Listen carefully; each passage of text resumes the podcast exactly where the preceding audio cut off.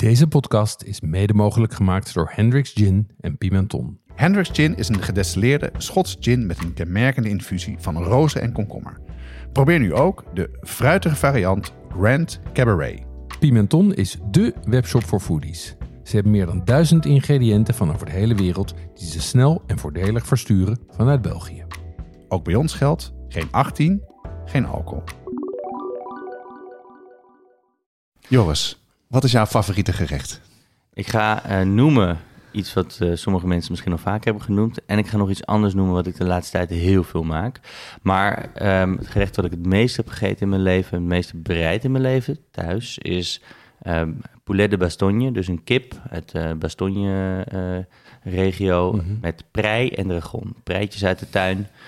Preitjes, lange, dunne preitjes met veel wit. En die leg je onder, als ze mooi dun zijn, kan je ze ook rauw onder je kip leggen. Mhm.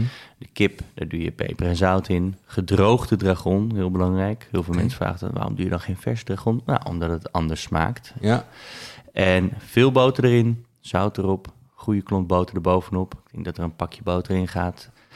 En dat laat je lekker in de oven ehm, mooi krokant bakken. En het liefst in een, eh, ja, in een oven met stilstaande lucht. ja. Dus niet zo'n van erin. En dan wordt die huid wordt zo crispy. En die chicken drip, die, die druipt naar beneden. En die preitjes liggen in hun eigen vocht, maar ook in het vocht van de kip. Met kippenvet, boter en dragonsmaak te sudderen. Ja, ja, klaar is Kees. Het is eh, kwart voor elf en uw beide presentatoren zitten alweer te kwijlen. En de andere dan? En was- andere is eh heri heri. Dat is een eh, gerecht dat ik afgelopen jaar heb geleerd. Ehm, dat kent zijn eh, roots eigenlijk eh, uit, de, uit de slaventijd. En eh, de tot slaafgemaakten die hadden een kostgrondje waarop ze wat mochten verbouwen. En eh, dan kregen ze soms nog een, iets, iets van gezouten vis of zo bij. En dat is eigenlijk ja, het is een gerecht dat bestaat uit aardvruchten en de bakbanaan, de, de, de rijpe en de groene. Mhm. En dan die bakojao, ja, dat is, dat is zo'n umami-rijk ehm, ehm, iets. En, en dit gerecht is zo simpel. Dus ik, ik maak het altijd met eh, een beetje cassave, ehm, eh, een paarsvleesige zoete aardappel, een witvleesige zoete aardappel of een, of een eh, oranje kan ook. En dan een stuk van een van een rauw, of een, van een rijpe bakbanaan en een stuk van een echt een groene, groene bakbanaan. Mhm. En die kook je allemaal lang. Het is eigenlijk een soort van eenpansgerecht. En je kookt de aardvruchten, die snij je in grove stukken. Die kook je, je kan alles eigenlijk samen koken. En dan hou je het, het schilletje eraf als het gaar is. Je kookt er ook nog een eitje bij. Oh, je kookt die bananen in de schil. Ja, ja, ja just, ik snij ze in drie of zo. Maar Oh ja. dan eh, stukken, stukken in de schil. En die groene die moet je vrij lang koken, zeg maar. Ja. Ehm, en dat is, ja, dat heeft zoveel. Dat gerecht is zo eenvoudig, maar het heeft zoveel balans. Het zoetje en het hartige van die groene banaan. En dan die umami met veel tomaat en ui en bladselderij. Dat is wat die keuken eh, eh, altijd gebruikt, zeg maar. Mhm. En, en, en dat in combinatie, ja, dat is genieten. En dat eh, maak ik de laatste tijd heel veel. En je hoort al, we hebben een gast, Joris Beidendijk.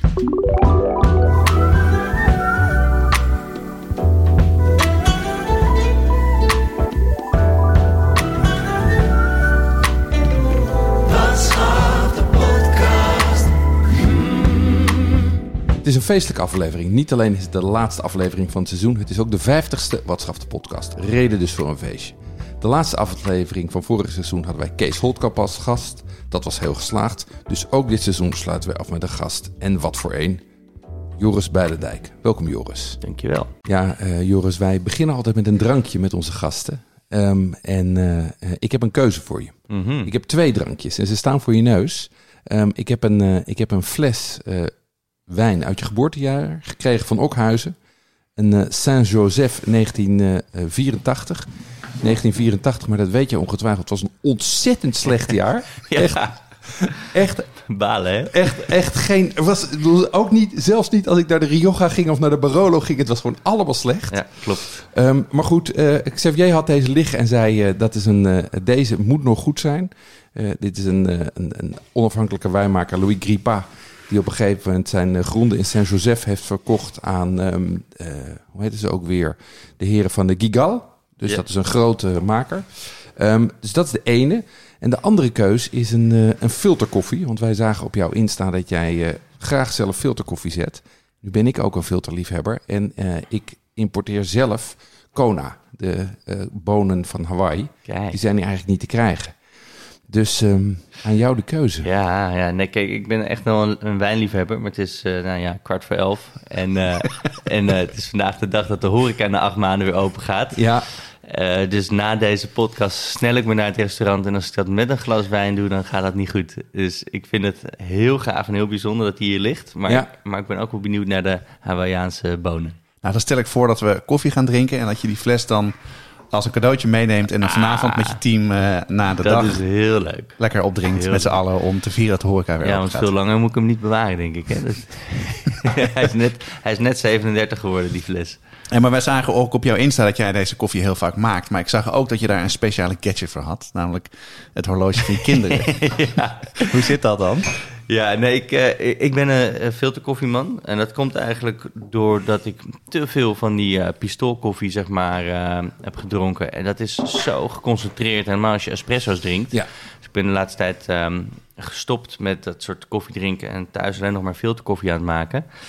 En ehm, nou, dat kan je gewoon doen uit de losse pols. En dan als je er iets meer gaat verdiepen, dan kom je erachter dat ook koffie op recept gemaakt kan worden. Net als een bavarois of een taart of een jus of wat dan ook. Dus veel mensen doen er lacherig om. Mijn vrouw ook. mijn vrouw ook. Bij mij thuis Ja. ook hoor. ja, ja, nee, dus. eh, maar goed, als je het eh, afweegt en de juiste maling hebt en de juiste temperatuur en de juiste tijd hebt voor de doorloop. Eh, ja, dan kom je erachter dat die koffie eh, eh, heel lekker kan worden. Bedoel, Het is net als met wijn. Je kan twee bourgognes naast elkaar proeven, maar er zitten enorme verschillen in. En dat heb je met koffie dus ook. En dat heb ik een beetje zitten testen.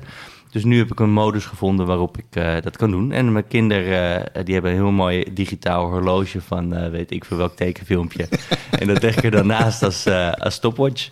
Mooi. Nou, Jeroen, wat drinken we? Ja, dit is, dit is een Kona koffie. Eh, eh, die wordt verbouwd op de hellingen van ehm, de Mauna Kea. Ik moest even zoeken naar de naam. Dat is eh, de, eh, de vulkaan op, het, op de Big Island. Ehm, en het is een, eh, wat ik er lekker aan vind, is dat het een, een koffie is die heel... ehm, hij is donker geroosterd Ja. voor een... eh, voor een eh, ehm, voor, voor een specialty koffie. Tegenwoordig worden specialty koffies vaak heel licht geroosterd. En krijg je bijna een soort van Bourgogne-achtige smaakbeleving. Heel licht. Klopt. En ik, ben, ik kom ook van een eh, van hardcore espresso drinken. En dan hou ik, ik hou meer van de chocolade en de notentonen. En ik vind dat deze koffie een hele mooie balans vindt tussen wel die, die aroma's en tegelijkertijd die eh, chocolade en notentonen. Het probleem is alleen, zoals met veel dingen uit Amerika, ze houden het best allemaal voor zichzelf. Hmm. Dus ik moet ze zelf, ik moet het zelf importeren. En dat eh, doe ik met, eh, met veel pijn en moeite. En zeker met corona, nu ik niet meer vlieg, heb ik geen, eh, geen reden meer om ze, om ze in mijn tas te gooien. Ik, vind het, ik vind het wel echt een hele goede zaak dat ze het beste voor zichzelf houden. Zouden wij ook moeten doen Zouden wij ook Nederland. moeten doen. Ja, ja, ja, ja, ja. eens. Jeroen, bij jullie thuis wordt toch veel hot sauce gegeten? Ja, dat klopt. Er staan eigenlijk altijd wel iets van vijf flesjes open. En elke paar weken is er eentje op. Dus dat gaat, eh, gaat behoorlijk hard.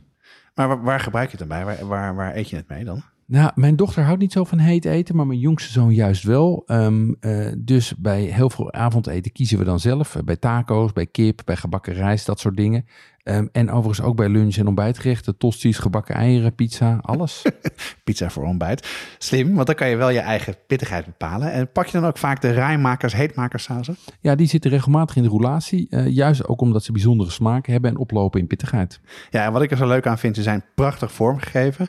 Eh, hoe komen luisteraars aan deze flesjes? Ja, je vindt rijmakers, heetmakers op heatsupply.nl of vraag ernaar bij je delicatessenzaak. Goed, wij gaan, wij gaan even van start. Ehm, Joris, je hebt al heel veel interviews gegeven. Ehm, en onze luisteraars, van natuurlijk hobbykoks, kennen jouw waarschijnlijk, verhaal waarschijnlijk al. Ehm, dus we geven even een samenvatting van, eh, van jouw leven. En dan kunnen we daarna de inhoud in. Dankjewel. Ehm, Joris Beidendijk is chef van restaurant Rijks en Wils. Beide bekroond met de Michelinster. Columnist bij Het Parool, founder van Stichting Low Food, auteur van verschillende kookboeken en SVH Meesterkok. Joris wist op de jonge leeftijd al dat hij kok wilde worden. De liefde voor eten begon eigenlijk eerder. Hij groeide, net als Jonas en ik, op als kakker in Amsterdam-Zuid met drie broers. Door de week waren ze een stampotgezin met twee hardwerkende ouders. Maar op vrijdag werd de stationwagen volgeladen en scheurden ze naar de Ardennen. Ik zag die stationwagen overigens volgens mij ook hier voor de deur staan. Dat leek in ieder geval uit die tijd ongeveer. Ja, ik, eh, ik heb hem even geleend. Deze gaat volgens mij dinsdag naar de sloop. Oh ja? Maar co- collega's, collega's van mij hadden gisteren een, eh, een eh, catering ver in Drenthe. Ja, Dus, ik, dus we vonden allemaal dat het veilig was om in een veilige auto te rijden die Heel kant goed. op. Ja, heel goed. heel goed. Ehm, maar goed, in de Ardennen, waar zijn ouders een 150 jaar oude boerderij hebben. Op de boerderij werkten ze de hele dag in de tuin. S'avonds werd er uitgebreid gekookt en kwam er goede wijn op tafel. Op zijn zestiende had hij een bijbaantje in Pasta e Basta, een restaurant aan de Amsterdamse Spiegelstraat. In dezelfde keuken waar ik acht jaar geleden eerder mijn eerste baan als chef de partie had. En waar ik toen besloot dat koken een hobby zou blijven, vond Joris hier zijn roeping. Hij besloot naar de hogere hotelschool te gaan. En nu leer je op de hogere hotelschool nauwelijks koken. Dus ging hij daarnaast in restaurantkeukens werken. Na vele afwijzingen mocht hij onbetaald aan het werk bij Ron Blauw. ochtends stond hij vroeg op om vis te fileren, om vervolgens naar school te gaan. En s'avonds ging hij weer de keuken in. Van het studentenleven kreeg hij weinig mee. Uiteindelijk werkte hij zes jaar bij Ron Blauw, de laatste jaren als kok. Daarna wil hij naar Frankrijk om te werken voor een levende legende met minimaal twee Michelinsterren. Na tientallen mislukte sollicitaties in Parijs en Lyon heeft hij geluk in Montpellier bij de gebroeders Pourcel. In vier jaar klinkt hij op tot souschef in hun restaurant Le Jardin d'Essence. Het is er keihard werken, maar ook heel veel leren. In 2012 keert Beidendijk terug naar Nederland om te starten als chef bij restaurant Bridges in Hotel de Grand en wordt door Gomeo uitgeroepen tot belofte van het jaar. Beidewijk ontving bij Bridges na 10 maanden zijn eerste ster in de Michelin-gids van 2014. Eind 2014 begon Beidendijk als executive chef bij Rijks, het restaurant van het Rijksmuseum. Het restaurant werd bekroond met een ster in het Michelin-gids van 2017. In 2019 startte Beidendijk samen met Joris Lohman en Samuel Levy de stichting Loofwood. Een beweging die zich ten doel heeft gesteld de Nederlandse eetcultuur toonaangevend te maken als het gaat om vooruitdenken over onderwerpen als duurzaamheid en inclusie. In datzelfde jaar opende Beidendijk restaurant Wils. Ook restaurant Wils haalde binnen een jaar een Michelinster. Dat brengt Beidendijk tot een totaal van drie behaalde Michelinsterren binnen acht jaar. Een 10 min. Ja, een tien meer. Eén klein, eh, ik heb één klein eh eh, Eén rood streepje in de Eén kantlijn. klein rood Ja. streepje in de kantlijn. Eh, ik heb niet eh, vier jaar in Frankrijk gezeten, maar eh, ruim, ruim twee jaar. Dus Oh, ruim twee jaar. Ja, ja. Oké. En Maar toen ben je sous-chef geworden. ja, ja, binnen die eh, tijd. ja. Dat ging heel snel dan, voor Ja, Franse begrippen. Ja, helemaal als je, als je weet hoe ik begon. Ja, ja, ja. dat is echt een drama. maar eh, jullie research is, eh, research is eh, eh, spot on. Heel goed. Je, ehm, je groeide op in ehm, de Van Egelaan. Straat. En, straat. Ja. En eh, eh, dus daar gaat nog een puntje af. en eh, en wat, er, wat je een stampotgezin noemt. En wie kookte er vooral bij jullie thuis? En wat stond er meestal op tafel? Ja, heel oldschool, zeg maar door de week mijn moeder. En op zondag mijn vader zeer uitgebreid. Ja, ja. Ja. En op zondag kwamen allemaal bijzonderheden. Ik kan me goed herinneren dat ik dan... Ja, ik vond het heel erg interessant en heel erg leuk. Ehm, ja, dat eh, mijn vader zei, hier moet je proeven. Dit is een eh, gebakken geitentestikel of zo, weet je wel. En eh, ja, en door de week, ja, mijn- net als zoveel mensen, ik zelf ook. eh, Mijn moeder had, heeft nog steeds gewoon een, een serie gerechten die ze heel goed kan. Ja. En eh, ja, dat, dat wordt zo een beetje afgewisseld, hè. Maar altijd veel groenten. Dus mijn, mijn ouders waren altijd beide heel trots. We gingen altijd de groenten tellen op tafel. Nou jongens, hoeveel groenten staan er op tafel? En dan stond er wel zeven of acht eh, verschillende groen, Ah, ja? groentes op tafel. Ja, Ook door de week gewoon. ja, ja maar dat kan, dat kan gewoon eenvoudig. Hè? Gekookt aardappeltje en een beetje broccoli. En, Ja. eh, en, een, en bijvoorbeeld een, een mix van eh, worteltjes en ui. Ja. Dan ben je, zit je al op vier. Ja, salade erbij. Ja. Kan je alle, alle slaatblaadjes tellen. ja. Hey, en maar kookte jij zelf ook eh, toen je jong was thuis? Ik deed zeker mee. En het leuke was van mijn jeugd... is dat ik zeg maar eh, alles een beetje meekreeg... omdat we die moestuin hadden in de Ardennen. Ja. Dus daar eh, zagen we de... ja, in het voorjaar moesten we het land ja, omploegen, zeg ik. Het, Mhm. het is maar een klein stukje, maar en dat ging dan met de hand. Loodzwaar. Heel leuk. Eh, in het begin, daarna wat minder als je puber wordt. En, eh, en nu weer eigenlijk heel erg leuk. Dus omploegen, eh, klaarmaken voor het zaaiplan, zaaien. En dan, en dan maakt mijn vader vaak gedurende het jaar foto's van hoe het eh, opkomt. En dan zie je echt op een gegeven moment dat gewoon, het is gewoon een soort Ja, van wildernis. Ja. Ja, echt een knal. ja. Als je die foto's zo als een soort van timelapse afspeelt, Ja. dat is echt gek. Dat ziet Ja. er zo gaaf uit. Ja, en, eh, en daar peuzelen we dan eh, lekker van. Dus, eh, dus ja, koken, maar ook het, eh, het, het- wat, wat daarbij hoort. Dat, ja, dit- hoe, hoe goed de groente. En ging je ook veel uit eten in die tijd? Nee, nee, nee, Nee? nee. Nee, maar- nee, we gingen af en toe naar een, ehm, een, een bijzonder restaurantje waar Johannes van Dam dan een eh, hoog cijfer aan had gegeven in Amsterdam of zo. Ja. En Dat waren meestal bijvoorbeeld eh, bijzondere vondsten, eh, van, bijvoorbeeld een, een Marokkaans restaurant. Of, Ja. dat, dat, dat vonden mijn ouders wel leuk, maar chic uit eten niet. Wat grappig dat je dan, dan toch dat daar je carrière van gemaakt hebt. Niet per se chic uit eten, maar, Ja, maar wel van... eh, Ja, het is, het is, eh, zo moet je denk ik niet zien. Want jij kijkt er eh, naar als een gast. En hoe het is gegaan is dat ik leerde koken thuis, gelukkig. En dat ik dat mooi vond en bijzonder vond. En dat ik dan, ik ging afwassen. En dat ik helemaal eh, onder de indruk was van chef-koks. Die waren stoer en weet ik veel, een beetje ruig. Niet, niet de types eh, zoals ik nu eh, zelf ben, vind ik. Veel ruiger waren die gasten. Maar zeg maar, zo'n zo'n moment dat je voor het eerst een, een echte jus proeft, eh, dat vergeet ik nooit meer. En dat, dat maakten wij thuis niet. Ja, ja. Wij hadden eh, kippenvet en kippensap die, eh, die met preien vermengden tot iets lekkers. Ook heel lekker. Maar dat is echt boers en thuis. Maar een jus, een fond en, en, en dat inkoken en iets wat twee, drie dagen duurt. Na, ja, ik zeg maar, Indische gerechten deden dan wel meerdere dagen over. En dat was ook heel bijzonder. Maar dat zo'n moment in een, in een keuken van een restaurant, dat je dat proeft, eh, dat is, toen dacht ik van ja, dat, dat wil ik ook kunnen. En dat ja, dat, dat dan ehm, lijmt aan zeg maar, restaurants waar mensen uitgebreid gaan zitten dineren, meerdere gangen eten. Ja, dat wist ik toen ook niet. Nee, maar dat, dat hoeft natuurlijk ook helemaal niet per se, toch? Het hoeft niet helemaal niet een super chique plek te zijn. Maar jij was wel toen de, de, het vonkje was overgeslagen om, om daar meer van te willen weten. Meer met dingen mee te doen. Ja, dat wilde ik gewoon leren. Dus Dat wilde ik ook gewoon kunnen. Dus ik kon die kip eh, inmiddels eh, dromen. Maar eh, hoe de hel maak je van botten zoiets lekkers als jus? Ja, ja. Hey, nog, nog even terug naar, naar die thuissituatie. Want jij hebt inmiddels zelf ook een vrouw en twee jonge kinderen. Ehm, eh, hoe werkt dat bij jullie thuis nu? Qua, qua ta- taakverdeling in, in koken en, en, en, en zo? Ehm, ik kook nog steeds heel veel thuis. Ja, ook zorgkoken. Hè, zeg maar, ja, zo door de week koken. zeg Ja, maar. ja, ja. Nou, ik- ik, plan het een beetje anders. Kijk, op maandag ben ik eh, soms eh, vrij. Mhm. En ik probeer er altijd een, een moment te prikken dat ik naar de groothandel rij en ehm, inkopen doe voor eh, nou, een paar dagen, zeg maar. Ja, ja. En dan ga ik gewoon op maandag als een gek, als ik alleen thuis ben, gerechten maken. En dan kan eh, het gezin dan eh, lekker van eten door de Ah, week. goed. Oh ja, oké. Ja. Pre- Food prepping, zoals we dat noemen. Een beetje food Ja. prepping en een beetje gewoon... Ik vind het namelijk ook nog steeds heel erg leuk. Dus Ja. het is echt niet eh, dat, ik, hem- dat ik er schoon genoeg van heb. Eh, kijk, er zijn andere dingen waar je schoon genoeg van krijg, kan, kan krijgen eh, eh, eh, van tijd tot tijd. Hè? Ik bedoel dat je denkt van, nou, wat een shitdag. Maar het is niet dat ik mijn vak eh, eh, ooit niet leuk vind, Nee. zeg maar. Nee, dat snap ik. Hey, en en is, er, is de balans tussen, laat ik zeggen, vlees, vis, vega anders bij jullie thuis nu dan het bij, met jouw ouders was? Ehm, nou, afgezien van de voorkeuren van, van, eh, die kleine kinderen kunnen Ja. hebben... Ja, ja. En die, die veranderen? Ja, die veranderen gelukkig. wijze. Ja, nee, we zijn laatst eh, naar de oesterij in Zeeland gegaan. Ja. En de jongste die heeft zich echt helemaal bol gegeten aan oesters. Dus eh, ik kreeg meteen allemaal berichtjes van... nou, dat is, dat is tijdelijk, dus geniet er maar van. ja, ja, herkenbaar. Eh, Dus, absoluut. eh, en, ik heb, en ik heb een keer... Ik dacht, eh, het is goed, ik ga forellen vangen met eh, mijn kinderen... En dan gaan we laten zien hoe dat werkt. Forel gevangen, nou, een paar tikken op zijn hoofd.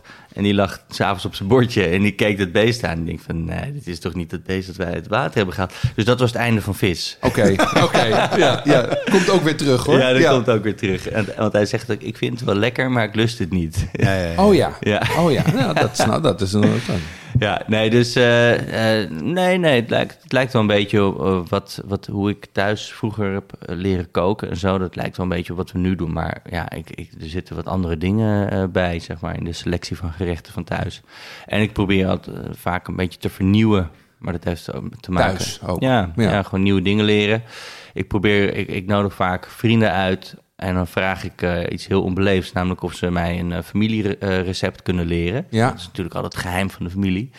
Maar tegenwoordig staan we er een beetje anders in. Maar Mhm. dat, dat vind ik het leukste wat er is. En dan vooral, ehm, eh, ja, mensen zullen me wel een freak vinden. Maar het boodschappenlijstje. Het boodschappenlijstje van, eh van familierecept is leuk. Want dan moet je naar speciale winkeltjes. Ja. En dan leer je weer ja. een nieuw winkeltje kennen. En dan leer je weer een nieuw productje kennen. Ja, en daar geniet ik van. En nog, dat heb jij nog steeds, dat dat, dat, dat gebeurt. Ja, zeker. Ja, Wat nee, leuk. Dat, dat, daar zit ik volop in, volgens mij. Dat, eh, nee, ik heb echt eh, af en toe zeg mijn vrouw... van, zullen we een keer een weekendje niet eh, met vrienden koken? Hey, maar dan ga ik ook even wat onbeleefd vragen. Wat is een, eh, delen ze, we hebben net al een familierecept van je gehad. Heb je er nog eentje voor ons? ik heb, nu, een- ik heb een heel boek aan gewijd. maar eentje die bij jullie nu veel, op, veel op tafel staat? Ehm, De Heri Heri dus? Ja, nee. wat- Ik vind bijvoorbeeld, je hebt ze nu in het seizoen, maar de anana ananastomaat, Ja, als je die goed rijp hebt, is Die gele zijn is- dat, hè? Ja, die hele grote gele, waarvan Ja. je denkt van die knalt zo uit elkaar. ja. En als je hem vastpakt en je denkt van wow, hij zakt zo door mijn vingers in, heen, dan is hij top. En, ehm, en dat is al bijna een gerecht op zich. Oké. En, eh, maar een ander, dus, dus, dus die snij je in plakken, olijfolie, in balsamico en zeezout eroverheen. En, en dat is gewoon genieten. Het kan Ja. voor mij gewoon een, eh, een, een hoofdgerecht zijn, Ja, bij wijze ja. van spreken. Een andere, die we nu heel veel maken, is een salade van haricot. Mhm. eh, nectarine of wilde perziken, of in ieder geval een lekker mooie, rijpe eh, steenvrucht Ja. in die eh, hoek. Ja, Met amandelen, ja. met het velletje eromheen. Oké. Dus die haricot verts, die blancheer ik even. Die perzik, die snij ik in redelijk grofje, grove parten. Mhm. En de amandel, vind ik lekker voor het mondgevoel, is die snij ik, als, als dit de amandel is, zeg maar de ovaal. Ja. En dan de ovaal doormidden, dat je, dat je een soort twee, drie, twee keer een driehoek Twee zeg maar. ja, niet in de lengte, zeg maar, hoe die uit elkaar schuift. Als Precies. die, eh, ik, als snap, ik snap dat we in Ja. een podcast heel beschrijven, Ja, nee, maar dat- ja, ja, zijn. nee, dat doe Daar je er ook goed. wat van leren. Ja. Dus dat, eh, Ehm, en, dat, en dat is puur met, dat vind ik het eh, qua mondgevoel de lekkerste maat. Ja, En dan moet je die haricots hebben die zo mooi lang en dun zijn, Ja. weet je wel. Ehm, met het puntje er nog aan natuurlijk. ja, hè? dat doe ik wel, maar dat, Ja. dat begrijpt niet iedereen. Dus, dus ja, vertel eens jongens, want ik, ik snijd het puntje er altijd af. Ja, je hebt twee kanten. Hè. Je hebt één, één kant eh, die, die lekker in de wind aan het wapperen is. Een soort van varkenstaartje. Nou, die ja. kan je eraan laten zitten. Die is gewoon mals. Absoluut. En die Nee. andere kant is taai. Want als je hem afsnijdt, dan eh, denkt hij... Ah, ik word afgesneden, ik moet mezelf beschermen. En dan vormt hij een kurkje, zeg maar. Ja. Dus Ja, ja. eh, ja, dat moet eraf. Ehm, maar goed, dat, dat, dat varkenstaartje, dat zien sommige mensen als iets oneetbaars. Ja, ik snijd het altijd af. Het is gewoon gewoonte, maar niet... eh, Ja, eh, dat is een gewoonte. Nee, maar Ja, ik vind het eh, visueel is ook aantrekkelijk. ja. Ja. En hoe maak je de haricot verts dan? Stoom je ze? Of, nee, die eh, blancheer ik. En dan ehm, eh, een grote bakpan die goed heet kan worden. Dan begin ik met eh, olie. Ja, Eh, het lekkerste is denk ik gewoon een, een olijfolie om in te bakken. En dan doe ik eerst die amandelen echt, echt kleur geven. Echt donker maken. en dit is met een schilletje eraan, hè? Ja. Met een velletje. Ja, Rauwe heel- amandelen. Of zijn ze ja, geroosterd? zijn gedroogd. Ze zijn gedroogd, Ja. maar ze- er is voor de rest niks mee Nee. gedaan. En die ga je bakken totdat je ze echt begint te ruiken. Ja. Dat is super belangrijk. En je kan denken van, hé, het is wel heel donker, maar dat geeft smaak. Net als met koffie, zeg maar. Ja, Ehm, dan eh, gooi ik eh, een beetje afhankelijk van hoe rijp de perziken zijn. Als ze Mhm. niet super rijp zijn, dan, Ja. dan bak ik ze dan al mee. En als ze niet, niet echt eh, rijp zijn, doe ik een klein beetje rietsuiker erop. Of, Oké. of palmsuiker. En als ze super rijp zijn, dan wacht ik eventjes. Ja, want anders wordt ze prut. Precies. Ja, En dan gaat er een geperst, eh, gewoon een eh, ge, ge- geplet knoflookje bij. Een takje verse tijm. Ehm, Allemaal in de pan. allemaal in de pan, even mee, even, even mee laten bakken. Dan, en dan gaan de, of de persik of de haricot vers erbij, afhankelijk van de rijpheid van de persik. ja, Die hussel je om. Een goede klont boter, altijd. bruin laten worden. Ja. En dan afblussen met citroensap. En dan is de truc dat je dus met die citroensap en die boter een emulsiesausje vormt. ja, en Oké. Ja, dan glibber je gewoon van je stoel. En, en, daar zit, en dat, is een, dat is een hoofdrecht bij jullie. Er zit verder geen eh, proteïne ja, dat in. is het, er zit geen proteïne in. Dat is een, eh, ja, zeg een maaltijdsalade of wat dan ook. Maar, eh, Ja. maar als ik dat maak, dan, ja, dat is zo lekker. Dat, dat kan je gewoon blijven eten. Ja, en de kinderen natuurlijk ook met dat zoet-zuur. Dat, Ja, dat wil wel. het is allemaal, het is allemaal een natural zoet, zoet zuur. Hè? Dus, dus dat is het lekkere. Het is als een Riesling, zeg maar, de perfecte balans. Hey, en je hebt nu al een paar keer heb je het over flinke klont boter eh, gehad. Ja. en dat eh, als je jou een beetje volgt op Instagram, dan, eh dan gaan af en toe dat ik echt naar te kijken denk, zoveel boter. Ja, Waar komt dat vandaan? boter. Nou, dat, ja, je komt als je erachter Althans, komt- laat ik zo zeggen, ik, ben niet, ik, doe, ik doe het minder. En Jij doet, bent daar, hebt daar veel meer ervaring in de keuken. Maar dus ik ben heel benieuwd waar dat vandaan komt en hoe je daar tegenaan kijkt. Ja, het is zo lekker. Dat is het het. is natuurlijk een soort van raffinement van, eh, van, van, van melk, zeg maar. Dus ik bedoel, eh, ja, suiker is ook gewoon lekker. Ik bedoel, we kunnen met ja. z'n allen zeggen suiker is slecht, maar uiteindelijk vinden we suiker gewoon allemaal lekker. Absoluut, bedoel, ja. Maar het is niet dat ik een kilo suiker gebruik, want het gaat ook tegenstaan, het verzadigt ook. Maar ik, ik gebruik boter in gerechten en veel. Eh, maar wat mensen niet, niet altijd begrijpen, is dat je het niet allemaal per se opeet, zeg Nee, maar. het gaat, het druipt eraf. Of Het, het druipt eraf. En dat betekent wel, ik, ik, ik, ik, eet wel veel boter, maar ehm, als je gewoon een gebalanceerd dieet hebt, dan word je er niet eh, per se moddervet van. Waar je wel moddervet van wordt, en dat heb ik ook eh, ontdekt, dus ik spreek uit ervaring, is als je de hele, hele dag dingen gaat maken met boter, waarbij je het wel opeet, zoals brioche, of Ja. nog lekkerder, brioche ja. of croissants en pain au chocolat. Ja. Ja, daar gaat het, eh, daar gaat het hard. Want er is er ook nog suiker in, zeg maar. Ja. Dus, dus eh, maar als je gewoon lekker aardappels bakt in, een- in een enorme hoeveelheid boter of je kippetje of wat dan ook, eh, dan, ja, dan overleef je dat wel. Maar dan heb jij thuis ook verschillende soorten boter in de koelkast liggen. Klopt, ja. Hoeveel? Ehm, ja, drie of vier. Ja. Drie of vier. Dat Ja. is de ijzeren voorraad. Ja, dus ik heb, ehm, zeg maar, op, op mijn boterham eh, heb ik altijd die van uh, Trees van Leeuwen, Ja. van de Keizershof. Gewoon de beste boter. Ik, weet, ik heb nog nooit lekkerdere boter Ja. geproefd dan dat. Ik vind mijn vrouw te sterk. Oké. Ehm, dus ik heb, we hebben ook bakboter. Ja. Ehm, en ik haal eh, of gewoon... eh, het, is, het is altijd een beetje karakterloos, maar dat heb je soms nodig. Heb je ook nodig in een zeg Ja, maar. natuurlijk. Ja, ja. Dus ik haal of bij de Turk bij ons... gewoon- ik haal altijd van die grote blokken. Wat, in, wat, wat gewoon in mijn koelkast net past, zeg maar. Ja. Ehm, ja, of, of bij, bij de Slieger of een Nederlandse maker. Dat maakt niet zoveel uit, want het smaakt eh, best wel eh hetzelfde industrieboter smaakt heel erg hetzelfde. Ja, ja, behalve dan dat je zeg maar verschil hebt tussen harde en zachte. Mhm. Dus, eh, dus, dat, dus als ik, een, als ik taarten ga bakken, Ja. en dan moet je niet van, moet je gewoon de simpelste boter hebben die er is. Dan moet je niet grasboter of wat dan ook. Dan moet je stevige boter hebben. Ja. Dus dat is heel belangrijk, dat je als hij in de koelkast ligt en dat je hem even voelt van, oh ja, deze, deze is hard, deze is, in de koelkast wordt die echt hard. Ja. Eh, dan is hij geschikt voor de patisserie, vind ik. Ja. Ja, ja. Ehm, en dan heb ik ook nog ehm eh, schmin. Schmin? Ja, dus ehm, nou, dat is ook zo'n gerecht wat ik de laatste tijd veel maak en heb geleerd eh, voor, voor de couscous. Maar de, Ja. de echte manier van couscous maken. Ja. Ja. En, Stomen, hè? ja, ik- We weten er alles van. Kijk, ehm, ik had eh, eh, ons- onze oppas was Marokkaans en ik dacht een keer van, nou weet je, dan ga ik eh, op maandag ga ik lekker koken. Ik maak voor iedereen eh, wat, wat ze lekker vinden. Ja. Dat denk je dan te weten. Dus ik dacht, ik ga ze lekker pan couscous maken. Oh ja. Ja, ik had het tegen haar gezegd en ik zag de gezicht al. Oh shit. En eh, ik zei van, eh, wat is het dan? Ze zei, ja, ik eet eigenlijk alleen maar eh, de couscous van mijn moeder. Ik zei, ja, stom, Tuurlijk. stom ook. ja.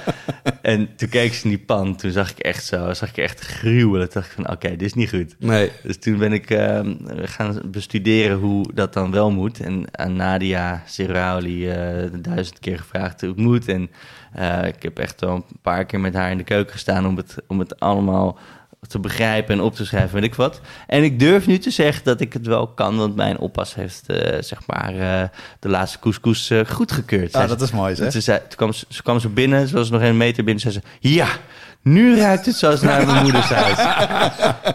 en, ehm, maar goed, in een, en dan de couscous zelf. Ehm, dat is september 2010 geweest, de eerste keer dat Nadia het me uitlegde. En dit jaar 16 mei geweest dat ik het kon. En wat, Eh, wat is dan de, de geheim dan? Want we, hebben, we hebben, ik denk dat de meeste van onze luisteraars hebben vast wel de aflevering van Chef geluisterd. Waar Hiske Versprillen met haar in de keuken staat. En dat het dus heel goed wordt uitgelegd ja. met een recept erbij. Dus ik heb het ook een keer geprobeerd te maken daarna Mhm. toe. Maar wat is dan de key? Wat heb je dan onder de knie gekregen? Ja, het is, het is uiteindelijk, eh, moet je, het, moet, je- moet dat eventjes zien, hè? het is handwerk, zeg maar. Ik bedoel, ehm, eh, dat is ook de reden dat, ik- dat ik bijvoorbeeld eh, niet naar een koksopleiding wilde, want dan ga je leren koken uit een boek. Je moet, het, is, het is een ambacht, dat doe je met je handen, dus moet, moet je leren van een meester. Ja. Dus ik heb nog steeds moeite met het zeg maar luisteren naar een podcast en dan leren couscous maken. Ja, leuk. Maar Je uiteindelijk, maar uiteindelijk wil je een keertje zien Ja. dat die. Dus, dus je doet je hebt de, de, de rauwe korrel. Nou, dan moet je ook de goede korrel hebben gekozen. Dus een medium eh, size. En nou, kan je, hem, kan je hem voorgestoomd of niet voorgestoomd hebben, whatever. Nou, dan moet je eventjes voor jezelf eh, uitvinden hoe dat werkt. Dus heb je de rauwe korrel, dan gaat eerst olijfolie overheen en wat zout. En dat moet je mengen. En dan moet je weten dat dat korreltje een klein beetje moet gaan glimmen. Dan Ja, weet je ja. dat er genoeg olijfolie in zit, zeg maar. En dan eh, ga je eigenlijk op een kilo couscous ga je eh, ongeveer een, ga je een half liter water eh, eh, in op laten nemen, maar in stappen. Ja. Dus als je er in één keer een ples, plets water overheen doet van een halve liter, dan krijg je, krijg je derry onderin, Ja. zeg maar. Ja. Dus je moet een beetje schenken, een beetje mengen, geduld hebben, vijf minuutjes, en dan de volgende scheutje water eroverheen. Nou, dat, dat, dat moet je allemaal weten. En dan heb je op een gegeven moment heb je een, een korrel die al helemaal in volume is toegenomen. En dan heb je je stoompan op staan. Nou, over de bouillon, eh, eh, dat is ook een, een mooi verhaal, Ja. zeg maar, hoe, hoe- dat die lekker wordt en zo. Maar dan moet je ook maar net weten wat... eh, ja, het is gewoon een- echt een bouillon met groenten erin. Ja. Eenpansgerecht. Onderin koken je groenten en je gooit telkens de groenten erbij die ehm, ja, wat minder lang tijd nodig heeft om gaar te worden. Dus eerst de harde groenten en Ja. naarmate je langer aan het koken bent de zachte groenten toevoegen. Ehm, die stoom, dat stoomding met gaatjes bovenop je pan zetten zonder deksel. Eh, want anders druipt eh druppeltjes water in je Ja. couscous en dan krijg je ook weer eh derry van. En dat laat je gewoon 10 minuten stomen. En dan hou je het in je, koes, in je couscous-schaal, je aardewerken schaal, die bij mij net vorige week kapot gevallen is. Ehm, haal je met een gardetje haal je die couscous uit, uit je stoom, stoommandje, zeg maar. En dan ga je weer, eh, nou ja, misschien toch nog wel een halve liter water bijna, of iets minder, Ja. in, in fases toevoegen. Ehm, ga je nog een keer stomen, tweede keer, tweede keer 10 minuten stomen ongeveer. En dan haal je het er weer uit. En dan heb je een couscous die al goed is. Maar we gaan hem daarna nog één keer stomen. Niet omdat hij ehm, niet gaar genoeg zou zijn. En dat is ook iets wat mensen niet begrijpen. Maar het heeft ook met de verteerbaarheid te maken. Hm. En het is hetzelfde als zeg maar lang gefermenteerd brood. is Ja. veel beter verteerbaar. Absoluut. Ik eet nu eh, elke dag overnight oats. En, het, en ik had niet ge- gedacht dat het zo'n effect eh, op, op me zou hebben qua energie op een dag. Ja, ja. Zeg maar. Dus je lichaam is veel minder aan het werk om dat eh, te verwerken. Maar het is wel gewoon lekker voedzaam, zeg maar. Dus je stoomt het zeg maar drie keer. En dan voor, voor de laatste keer dat je stoomt, voeg je iets lekkers toe aan je couscous. Nou, in mijn geval is dat smin. En wat is smin? Nou, ik, heb laatst, een le- ik heb laatst twee kilo eh ruilmelkse boter van Trace eh, gehaald. Toen ben ik naar Nadia gereden. Toen hebben we daar lekker eh, zeezout doorheen gekneed. Volgens mij had zij eh, een wilde orega- oregano gedroogd uit Marokko liggen. Die hebben we er doorheen gekneed. Nice. En die hebben we in potten gedaan. En die staat nu in het donker op een cool plekje in mijn keukenkastje. eh, eh, zeg maar ranzig te worden. Ja, en Nadia heeft de andere helft gehouden. te oxideren feitelijk. Ehm, ja, maar er zit geen zuurstof bij, hè? Dus, dus oxideren kan je het niet eh, noemen eigenlijk. Ehm, eh, dus dus het, eh, het wordt kazig Ja, en zonder zuurstof eigenlijk. En, ehm, en ja, nou, drie, vier weken, nu zeg maar ongeveer, begint die al lekker te worden. Dus ik heb het van de week even geproefd. Het begint, maar hij kan nog veel, hij cool. kan nog veel eh, worden, zeg maar. En dan doe je dan een eetlepeltje van door die couscous heen. En dan stoom je hem voor de derde keer en dan ga je aan tafel. Mooi. Hey, en we hebben het dus nog steeds een beetje over jouw tijd thuis en hoe je, hoe je vroeger hebt leren, leren koken. En je gaf al aan dat je een van je kinderen dan eh, nu oesters lekker vindt. Hoe ga je verder om met je kinderen en eten? Heb je daar nog bepaalde... Ja, misschien het Ga je naar belangrijkste. de McDonald's bijvoorbeeld, of snoep of dat soort dingen? Hoe, hoe streng ben je daarin? Eh, nee, ik vind dat ze Of dat, jullie, al- moet ik vind dat, ze dat allemaal eh, mogen, zeg maar, in, in beperkte mate. Ehm, eh, dus het is niet dat er een, eh, eh, een, een, een ver- ver- verbod op staat of wat dan ook. Maar het, het, zeg maar, het meest, eh, het belangrijkste zeg maar, in ons huishouden is denk ik wel dat ze, eh, ja, dat ze smiddags eh eigenlijk een warme maaltijd krijgen. Oké. Oh, grappig. En dat betekent dat eh, ik en mijn vrouw elke ochtend eh, koken we dat vers. ja. Eh, dus, en dat is heel eenvoudig hoor, maar dat is, een, weet ik veel, een eh, rijst met broccoli en een worst, gebakken worstje. Ja, of, een een, eh, pastaatje. of een ja, ja. Altijd een klein, of een tomaatje of een stukje watermeloen of, of een komkommertje. Wat ze lekker vinden als een soort van saladetje vooraf. En dan een soort van hoofdgerechtje in het inimini. En een klein zoetje stiekem, zodat de juffen het niet zien. Maar, ze- in, feite zijn het, zijn het drie mini-gangetjes, zeg maar. Zoals een Fransman s smiddags eet. En dat is dan thuis of is het op school dan? Dat krijgen ze mee eh, Oh, in, een, in een trommeltje. Eh, en op school hebben ze helaas geen, geen magnetron. Ik heb het wel gevraagd, mag ik niet een magnetronnetje neerzetten? Maar dat zit zo niet in het Nederlandse systeem. nee. Dus, dus ja, ik maak het zo warm mogelijk. En hoop ik dat het om 12 uur nog enigszins Ja. eh, hitte heeft. Het is in ieder geval niet koelkast koud. Ehm, maar ze eten, ja, ze eten echt een maaltijd 's middags. En al die andere kinderen die zitten dan in het bakje te kijken. Eeuw, Ja. groente! Ja. Dus, dat, dus dat heeft wel invloed op ze. Dan komen ze thuis en zeggen van... ja, we houden helemaal niet van groenten. Zo, maar, het, maar je hebt het toch opgegeten, je vond het toch lekker? Ja, maar we houden er niet van. Want Nee. eh, het is heel gek dat Ja. wij dat hebben. Ja, ik dacht dat, gelukkig dacht ik dat ik eh, mijn zoon heel erg verwend met af en toe Japanse dingen in zijn uh, broodtrommeltje meenemen. Of onigiri van die rijstballetjes. We zijn ooit een keer in Japan geweest en dat was echt heel lekker om Ja. als lunch. Dus vaak als we de rijst te veel maken, dan maken we dat en geven we dat mee. Dus hij altijd heel, heel trots. Ja. Heeft hij sushi mee naar school. Dus eh, maar hij is 14. Dus, Ja, mijn, mijn oudste zoon heeft net voor zijn verjaardag zo'n klein thermoskannetje gevraagd om ook mee naar school eh, iets warms te krijgen. Die vinden, ze vinden het gewoon heel lekker om, eh, om tussen Ja. de middag iets stevigs te eten en niet Ja. alleen zes boterhammen. Ja. Zeker als ze groter worden, ik herken dat wel. Ja. Ja, als, als bij ons kindertjes op bezoek komen, vriendjes... en we gaan smiddags eten... dan komt er een maaltijd op tafel en zeggen ze... hé, het is toch helemaal geen avond? Het ja, is, mag hè? ja, het is ja, mindset. En eet je dan ook lichter na het, eh dat ik zeggen, s'avonds? Eh, nou, of komt er dan weer fullpool eh viergang eh uh, Nee, BNS nee, op tafel? Nee, nee, nee, nee. Nee, het is... eh, ik, ik hou ervan... eh, zeg maar, door de week eten moet, je moet ook gewoon... Een, het is altijd een beetje snel, Ja. moet het zijn. Hè? Ik bedoel, je hebt nooit heel veel tijd. Kinderen moeten naar bed, dus ik vind het lekker als het op tafel kan staan... en dat ik dan niet nog vijf keer terug hoef de, de keuken in, zeg maar. Ja, ja. Dus eh, gewone maaltijd. Ja, een maaltijd en, eh, en een crepe. En een crepe toe. Hey, laten we eens even kijken naar, eh, na- naar jouw professionele eh, carrière. Ehm, jij gaf net aan dat dat eigenlijk begon bij die chefkoks eh, bezig te zien in, eh, in, in Pasta en Pasta, neem ik aan op dat Mhm, moment. Ja. Ehm, en, en daarna heb je in grote keukens in, eh, in Nederland en Frankrijk gewerkt. Ehm, wat heb je daar eigenlijk wat heb je meegepakt uit die keukens? Wat heb je daar geleerd?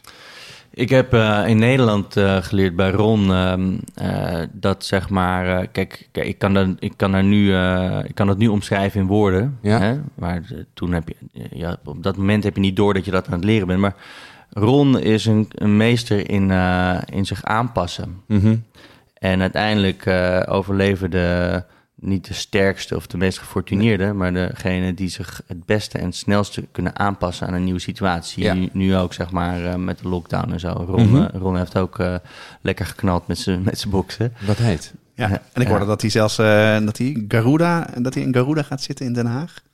Het goed is. Het is ook zo'n beetje zo'n het klassieke Indonesische restaurant Ja. wat, eh, wat, wat gestopt is. Ja. Ja. Dat is natuurlijk ideaal om daar eh naar in te stappen. Ja, en, en eh, in Frankrijk heb ik geleerd ehm, ja, hoe mooi het kan zijn om met lokale producten te werken. Ja. En eigenlijk beide plekken waren... Ik heb niet zo heel veel verschillende restaurants gezien. Hè? Dus eh, eigenlijk eh Ron Blauw en Pourcel op Ja. hoog niveau. En op beide plekken zat ik in een zeer ondernemende eh, familie... Mhm. ehm, die ook niet vies waren van aantallen. En Ja. dat, weet je, als je ondernemer bent... Ik, ik, ja goed, met alle respect, maar het is niet mijn sport om, om elke dag voor 20 man te gaan koken. Ik vind het mooier om 100 man blij te maken of Ja. 200 man blij te Ja. maken. En, en in, een, in een eerder interview heb je over de Franse keuken gezegd. Die was heel erg, laat ik zeggen, traditioneel en handmatig. Erg op gevoel. Ja. Niet met timers, niet met thermometers. Ja. Ehm, nu hebben wij laatst weer bij je gegeten. En daar kwamen wel gerechten voorbij waarvan je duidelijk zag dat ze technisch waren. Hoe, waar, waar heb je dat opgepikt? Hoe, is dat, hoe, hoe, heeft, dat, hoe is heeft jouw creatieve stijl zich gevormd, zeg maar? Eh, dat duurt een eh, paar jaar voordat je zeg maar ehm, eh, ja, echt onder de vleugels van je meesters vandaan bent gekropen. Ja, En dat moeten chefs zich echt realiseren. Ik ben gewoon mega dankbaar wat ik in die, weet ik veel, tien, tien jaar heb geleerd in Nederland en Frankrijk. En als je dan voor jezelf begint, de eerste keer dat je chef wordt, ja, dan kook je gewoon eh replicaatjes. Ja. Replicaatjes met een ander, met een ander eh, garnituurtje, zeg maar. ja. En dat is normaal. Alleen, je moet niet denken dat jij dan in één keer de man bent. Nee, dat heb je allemaal te danken aan die andere eh, lui. En dan moet je gaan experimenteren Mhm. om tot een eigen stijl te komen. En, de, en dat, en in Bridges is, ja, is dat misschien eh, is een beetje een beginnetje gemaakt of zo. Maar eh, dat was, waren eh, voornamelijk replicaatjes. En in Rijk zijn we toen wel echt... ehm, ik heb heel veel inspiratie opgedaan van alle gastchefs. En alle, alle keren dat wij bij, in het buitenland mochten koken. Ook, ook bij Bridges al? Of, nee, nee, nee, nee, in eh, Rijks. Rijks is echt... ehm, en het heeft ook eh, twee jaar geduurd eh, totdat Rijks eh, een, echt een eigen signatuur had. Ik durf nu wel te zeggen dat we een beetje een herkenbaar eh, stijl hebben. Ja. Ehm, ja, dat kost gewoon jaren. Mhm. En, en we zijn er nog lang niet. Maar het is wel... eh, het, is nu, het is nu geen replica meer, zeg maar. Ja, dus creatief, laat ik zeggen, ontwikkel je wat dat betreft. Begin je eerst met repliceren en daarna met je eigen dingen toevoegen en je Mhm. eigen stijl zoeken. Mhm. Hoe zit dat met je werkethos en, en je managementstijl?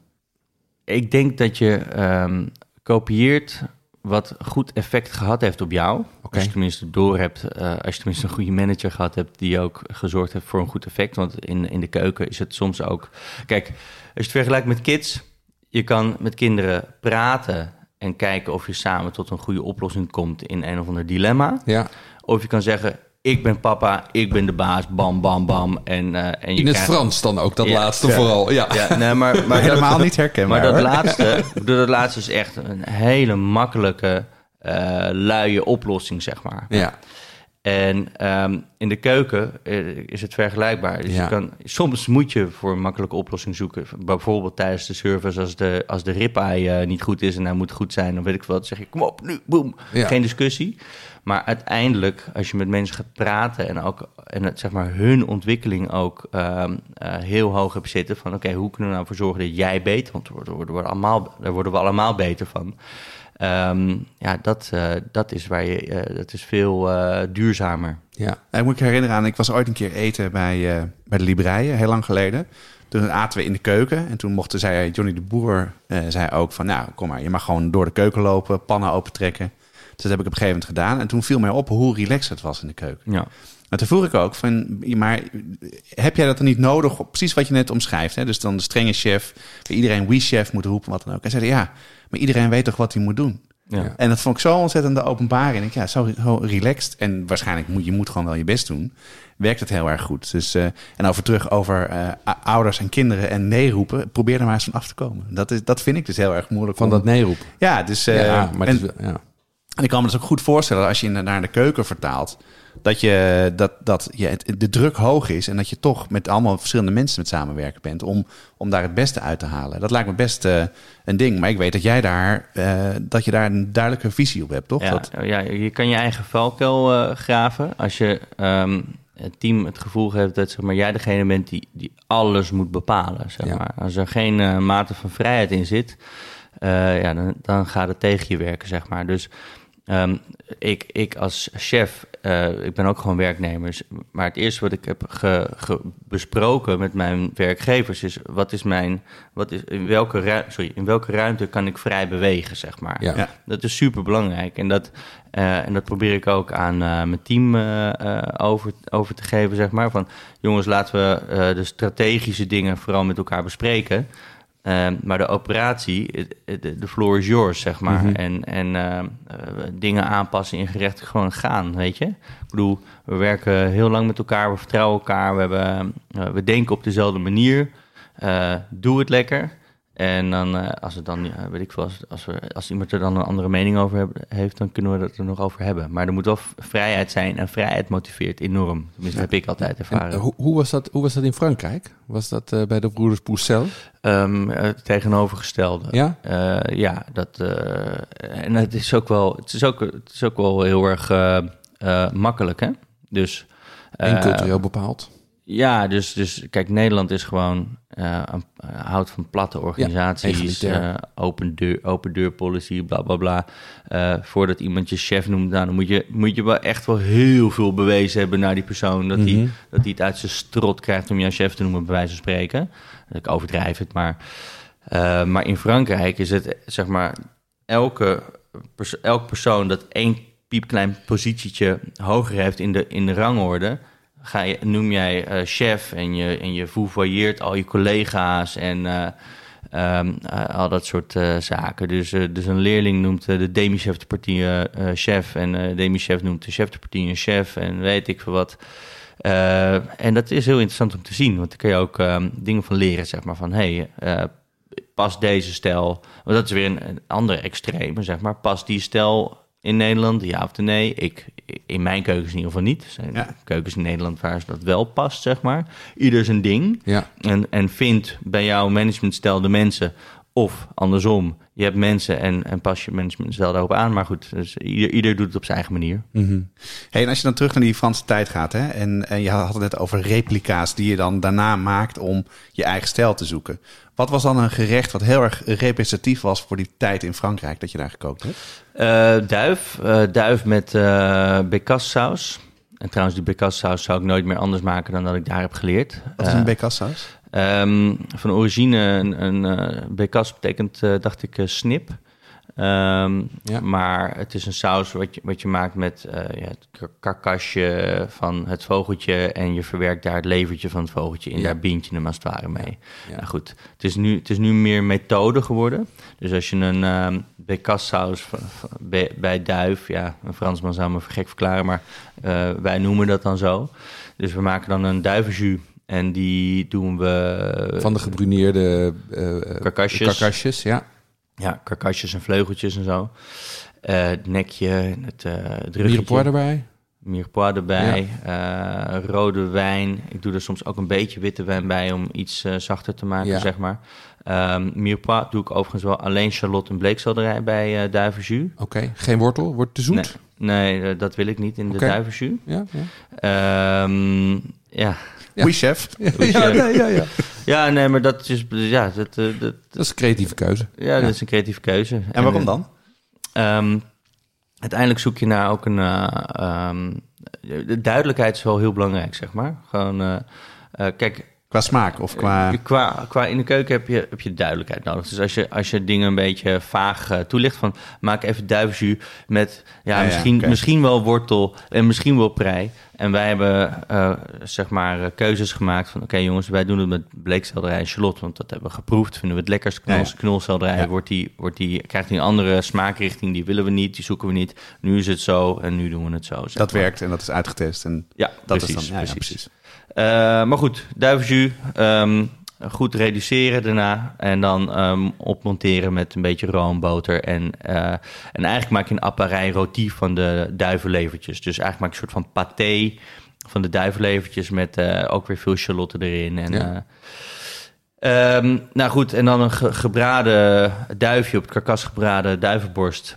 En in Frankrijk deden we dan ook nog eh ballontientjes maken van het pootje met een mooie vars erin, waar dan weer het hartje en het eh, maagje van het duifje in verwerkt zat en wat pancetta en weet ik wat. Dat zijn veel handelingen. Ja, Ja. ja, ja, dat, is, dat is dan alleen het, dan is alleen, het- dan is het, dat is alleen het proteïne, Alleen het proteïne. Ja, ja, ja, ja, gerecht. Maar goed, een duifje braden met zo'n jus becas, dat in de basis, ja, dat zou ik nog steeds wel zo serveren. Hm, Leuk. lekker. Ehm, even een, een stap naar, eh, naar jouw creatieve proces. Hè. Je, bent, je bent enorm productief in, in concepten die je verzint, in projecten en in de keuken. Hoe werkt jouw creatieve proces? En kan, kan, je schetsen, dat, kan je dat schetsen aan de hand van een van je gerechten? Ja, eh, ik denk dat het een goed voorbeeld is om het bietengerecht te pakken. Ja, Ehm, Dat is een van, je, een van je klassiekers is dat, hè? Is, ja, dat kan je nu wel zo Ja. noemen, denk ik. Ja. Maar we, hadden het laatst gegeten. Dat was echt heel erg lekker. Ja. Ja, ja, soms vergeet je wel eens hoe lang, hoe lang een gerecht al eh, geserveerd wordt, zeg maar. Ja. Dat de tijd vliegt gewoon in de keuken, zeg maar. En dan, maar zo, dit, dit is een gerecht dat we ehm, in het begin van Rijk zijn we daarmee begonnen. In een totaal andere vorm dan wat het nu is. ja. Maar waar begint dat dan? Waar begint die inspiratie voor zo'n gerecht? Ehm, Zoek je dan iets in je menu of kom je een ingrediënt tegen waar je wat Ja. mee wil? Wat is het startpunt, zeg maar? Wat is het zaadje? Het begint bij, eh, in Rijks moet ik zeggen, het, eh, is het creatieve proces anders dan bij Wils. En dat Mhm. is bewust zo ingericht, anders ga je, ga je twee ehm, gelijkwaardig, zeg maar, hetzelfde type restaurants Ja, krijgen. Ja. Dus ik heb daar in Wils echt een andere signatuur willen neerzetten. En dus ook geprobeerd een ding te creëren waar je, waarvan je, waar, waar je vanuit een andere hoek begint te denken, namelijk Oké. vuur. Oké. Ja. Ehm, maar bij Rijks is zeg maar, eh, we zijn het eh, culinaire verlengde van het Rijksmuseum.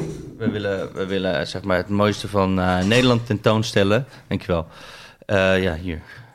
En dat is, hem, dat is het uitgangspunt hè, geweest. Want dat Ja, tweede heb je ook al dus- eerder veel verteld. Dat, dat, eh, dat je ook die, die zoektocht van Duif is uiteindelijk op eend uitgekomen. Ja, dus ja, bijvoorbeeld, wij zijn, ik wilde met duif werken. Toen ben ik op zoek gegaan naar Nederlandse tamme duif.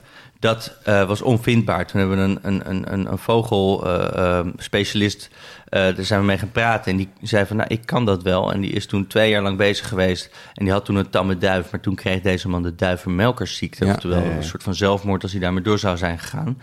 Toen zijn we op zoek gegaan naar een andere gevoogde. Hebben we een, een tamme eend gevonden in Nederland. En dachten van, daar willen we iets speciaals mee doen. Ik ben een heel groot fan van aging, van, eh van, eh ja, van ribeye bijvoorbeeld. En dat, diezelfde techniek zijn we toe gaan passen op, ehm, op eend. Hebben we ook heel lang zitten testen. En toen hadden we een dry-aged duck. Nou, dat was helemaal geweldig. Terug naar de beat.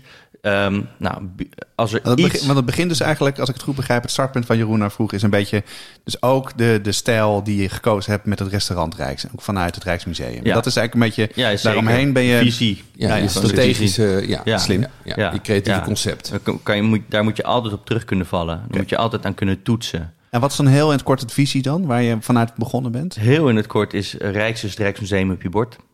Ah, leuk. Oké. Ja. Ja. En daar zitten dan wat waarden aan vast. Eenvoud en authenticiteit, kwaliteit. Ja, ho- holle begrippen als je ze niet invult. Maar goed, dat hebben Maar we, wel herkenbaar als dat je een paar keer bij je zeg maar. Wat wij daarmee bedoelen. Jij schrijft dat zelf ook uit. Ja. Jij zit dan echt zeg maar, creatief, een culinair creatief concept te schrijven. Ja, ja in, ieder geval, in ieder geval, en- in ieder geval een, een, eh, een fundament waar iedereen eh, zich eh, in herkent. Ja.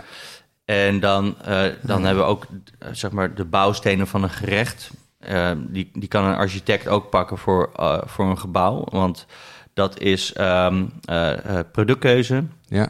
Ehm, even nadenken hoor. Productkeuze. Zeg je? Bereidingswijze. Ja, productkeuze, bereidingswijze, ehm, de continuïteit, de details en, eh, en de, ja, dat het een uniek product is. Ik zeg, ik zeg ze eventjes heel random. Maar goed, we, we hebben zeg maar vijf bouwstenen waar elk gerecht aan moet voldoen. Ja. Ehm, En die hebben we dan natuurlijk ook uitgeschreven van wat wij daar dan mee bedoelen. Want nogmaals, het is... Het is eh, Met je hele team. ja, Ja. ja. Ja, met een kern, kernteampje. En, Maar zo ben je dus bij die beat terechtgekomen. ja, en dan ga je. eh, nou, en ik ben een beetje de geschiedenis ingedoken van wat was er nou in Nederland te krijgen? Long time ago. Ah, Ja. en ja. en nou, aardappels en aubergine en dat, dat soort Ja. dingen, dat is allemaal niet van hier in principe. Ja. Als je helemaal tot duizenden jaren teruggaat, dan is wat hier echt wel groeide, waren bieten en boekwijd. Ja. We zijn op die bieten doorgegaan.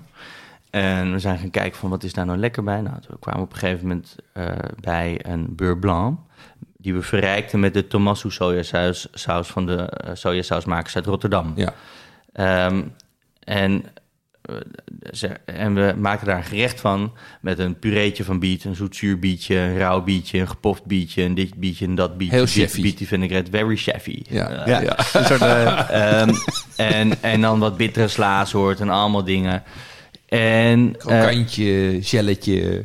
Ja, en dan ga je op een gegeven moment ga je, eh, weer... ehm, nou, deed het goed, hè? Het was een populair gerecht. dat, zo- dat, dat was een van de eerste versies daarvan. Ja, ja, ja, ja. ja. zo staat hij ook in mijn eh, kookboek. Ah, ja. En, eh, en dan ga je één keer in de zoveel tijd ga je die gerechten evalueren. En dan eh, ga je eromheen staan. Oké, wat zijn nou ook weer onze kernwaarden? Nou, eenvoud. Wat bedoelde daar ook weer mee? Zo min mogelijk eh, dingen op een bord om toch tot een, tot een topresultaat te komen. En dan heb ik het altijd over balans. Een, een, een stoel kan op vier poten staan. Ja. Maar op drie poten heeft hij evenveel balans, misschien nog wel meer balans. En dat is nou de essentie van eenvoud, zeg maar. Ja. ja. Dat je daarmee kan scoren. Ja, ja. En- Ze willen precies op de goede plek staan, die poten. Moeten ze op de Ja. goede plek staan, die Ja. pot. Ja, maar dat begrijp ik wel heel erg goed. Ik heb een paar keer bij jou gegeten en dan merk ik ook wel dat de, de borden zijn relatief leeg voor, Mhm. Voor eh, chic eten begrippen, om het zo maar te zeggen. Maar altijd heel erg lekker. Het is grappig dat je dat ook meteen terug kan herkennen. Als je het zo uitlegt, kan ik het zo Ja. voor me zien. Ja, nou dat is, komt dus allemaal uit onze visie, zeg maar. Ja, ja. En we zijn om dat gerecht heen gaan staan. Toen hebben we gezegd van, oké, maar waar draait het nou om, dat gerecht? Wat, wat, waar, nou, het gaat om een superbereiding van biet in combinatie met die saus. Dat is gewoon helemaal kick-ass. Dus eigenlijk kan al het andere kan weg. Oké, nou, hoe gaan we dat nou mooi maken? En toen heb ik een keer, eh, vlak voordat ik in slaap viel in mijn bedje, dacht ik van, nou ja, als we nou zo'n milfeuille maken van biet en eh, met die saus, volgens mij, ben je er dan? En de volgende dag vroeg ik aan een collega van mij, oké, pak even dit apparaatje, draai eh zus en zo dat bietje, maak er een, een rouleautje van en kook hem helemaal gaar in bietensap totdat het een super geconcentreerde smaak is.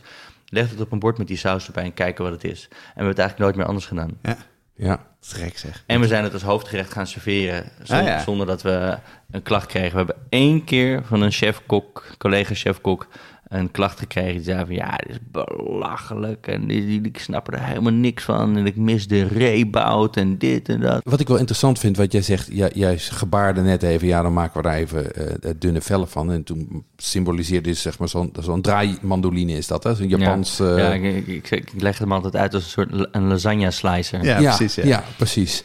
Ehm, dat is niet heel erg Nederlands, zeg maar. Waar, waar komt, hoe, hoe ben je met zo'n apparaat in aanraking gekomen? Eh, De eerste keer was in, eh, in Frankrijk. Er stond in, eh, in die keuken daar een super patissier. En, en, en de Pourcels die reisde veel. Die hadden ook zaken in Japan. Het is een Japans apparaatje.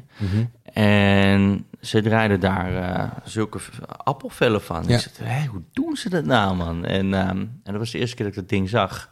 Toen ging ik naar Bridges. En toen dacht ik van, ja, ik moet ook zo'n ding hebben. Want het is zo handig. We Ja. verslijten er echt... Ze zijn niet goedkoop. Nee? Maar wij verslijten er echt, ehm, nou, ik, we hebben er echt tientallen al Ah, eh, ja. doorheen eh, gejaagd. Dat, het is gewoon, pardon, het is gewoon een eh, kunststof ding. Dus, en, en ze staan gewoon uren per dag keiharde groentes ermee ehm, Ja. te slicen. Ja. Eh, dus dat, eh, dat gaat hard. En je hebt ze ook eh, van andere merken en zo. En het is allemaal niet zo goed en fijn als die Japanse. Ja. Dus je hebt ze ook van KitchenAid. Die zet je bovenvoor op een KitchenAid. Maar dan krijg je een hele dikke plak. Hele dikke, En, ja, ja, ja. Sorry KitchenAid, maar ehm, ja, en nog wat andere merken en zo. Maar het is, dat komt allemaal niet in de buurt bij dat fijne Japanse, Japanse dingetje, ja. En voor de lockdown, ehm, eh, wat, ik, wat mij altijd opviel, is dat je heel veel gastchefs hebt. En eh, veel mensen koken bij het Rijks. Eh, doe je speciale weekenden voor, of speciale weken zelfs. Ja. Je kookte ook veel in het buitenland. Mhm. Hoe is dat ontstaan en waarom ben je dat gaan doen dan?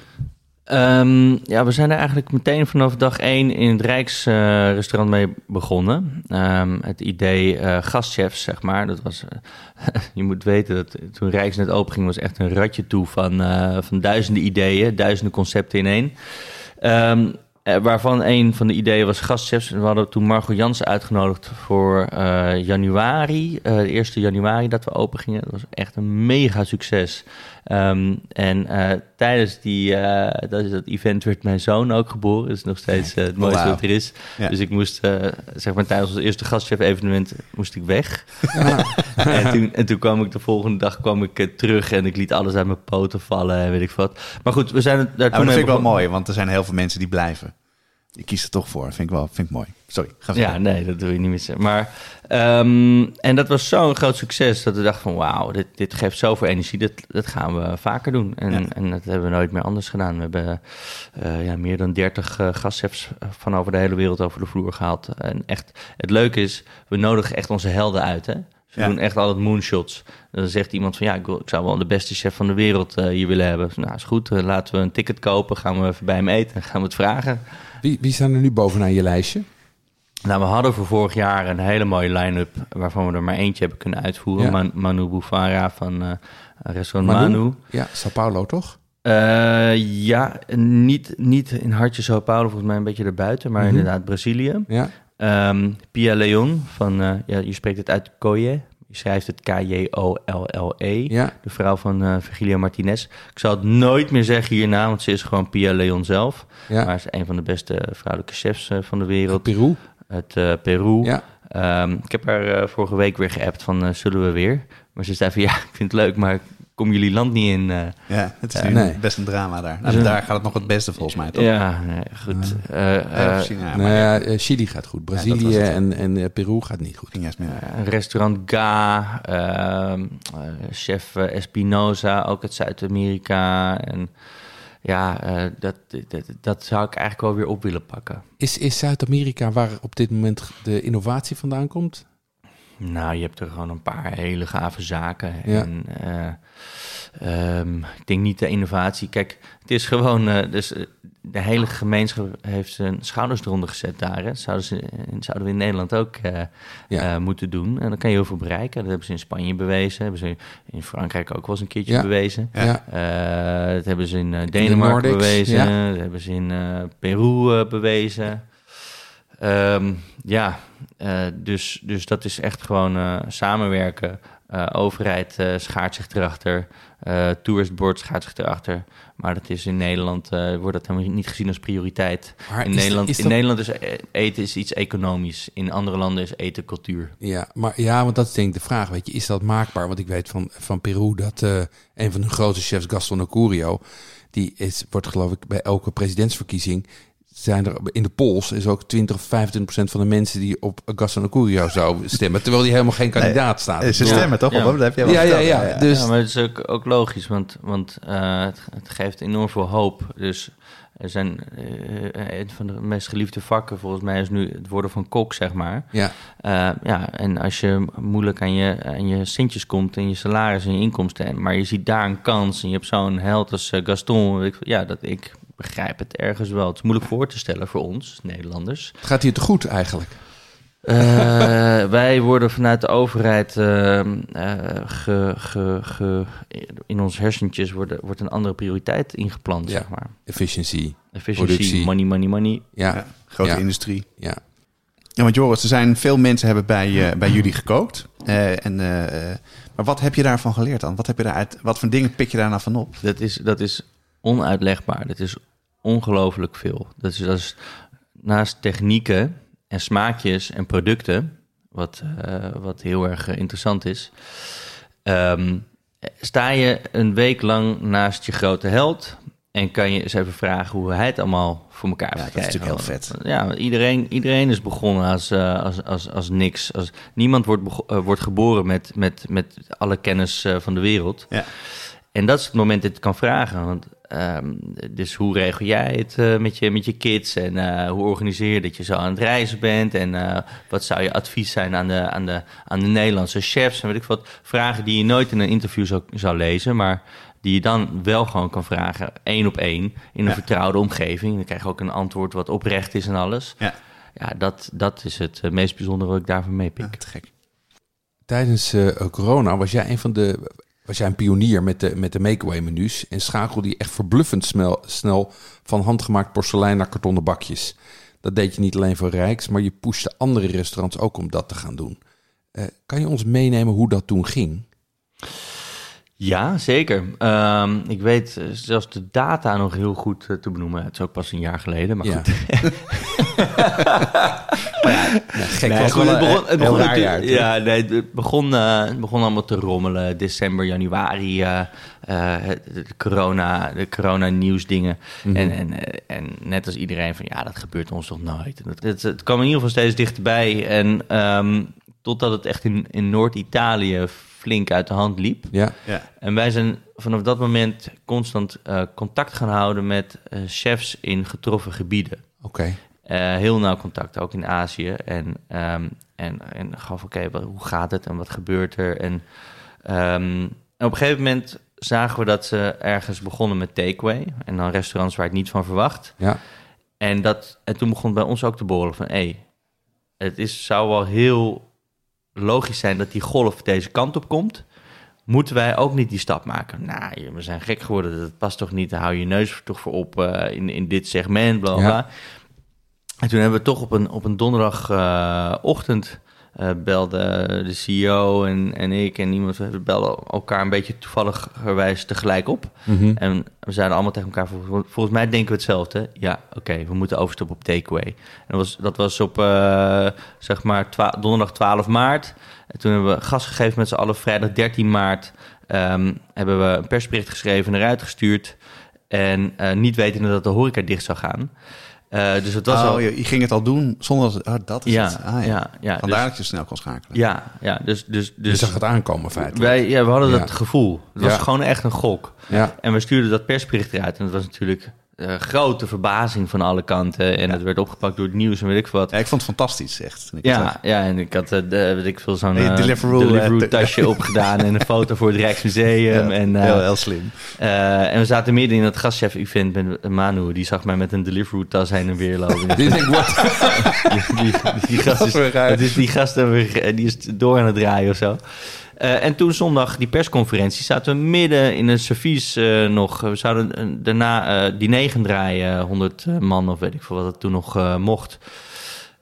Ja, vanaf zes uur hoor ik het dicht. Nou, damn, gaat eerst je wereld zakt eh, onder je weg. En, en daarna denk ik van, oké, nou, dit is dus wel... We gaan nu dus echt volle bak takeaway doen. Ja. En ehm, toen zijn we maandag gestart. En we hadden eh 100 eh, minuutjes volgens mij eh, beschikbaar gesteld. Van nou, als we dat verkopen, dan is het wel een groot feest. Want we zouden max 100 man kunnen draaien s'avonds. Nou, dat was zo verkocht. Volgende dag 50 erbij. Nou, was ook weer zo uitverkocht. Voordat we überhaupt open waren, was het met pre-order al weg. Want we waren op de NOS geweest en dat soort dingen.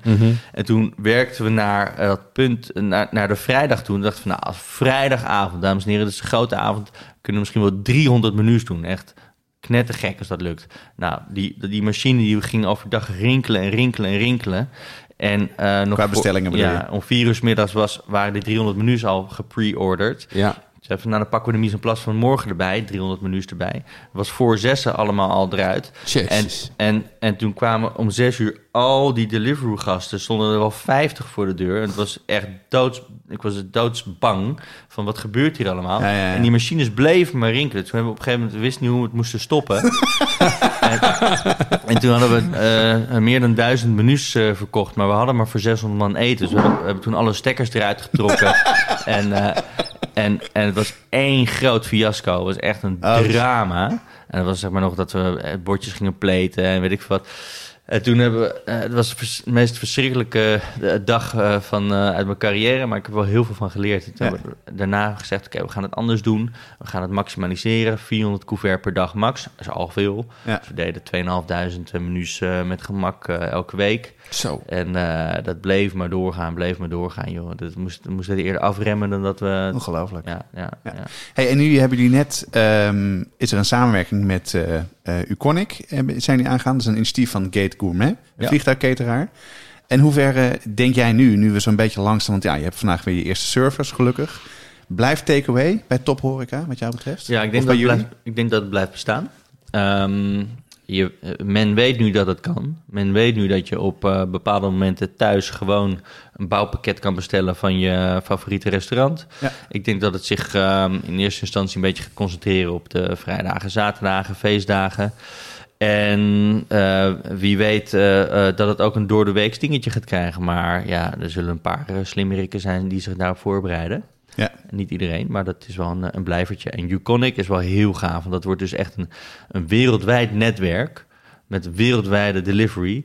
Met uh, wereldwijde topchefs. Dus er uh, zal een twintigtal uh, topchefs zijn. Ik zal de namen nog niet verklappen, maar geloof me, het zijn de beste ter wereld.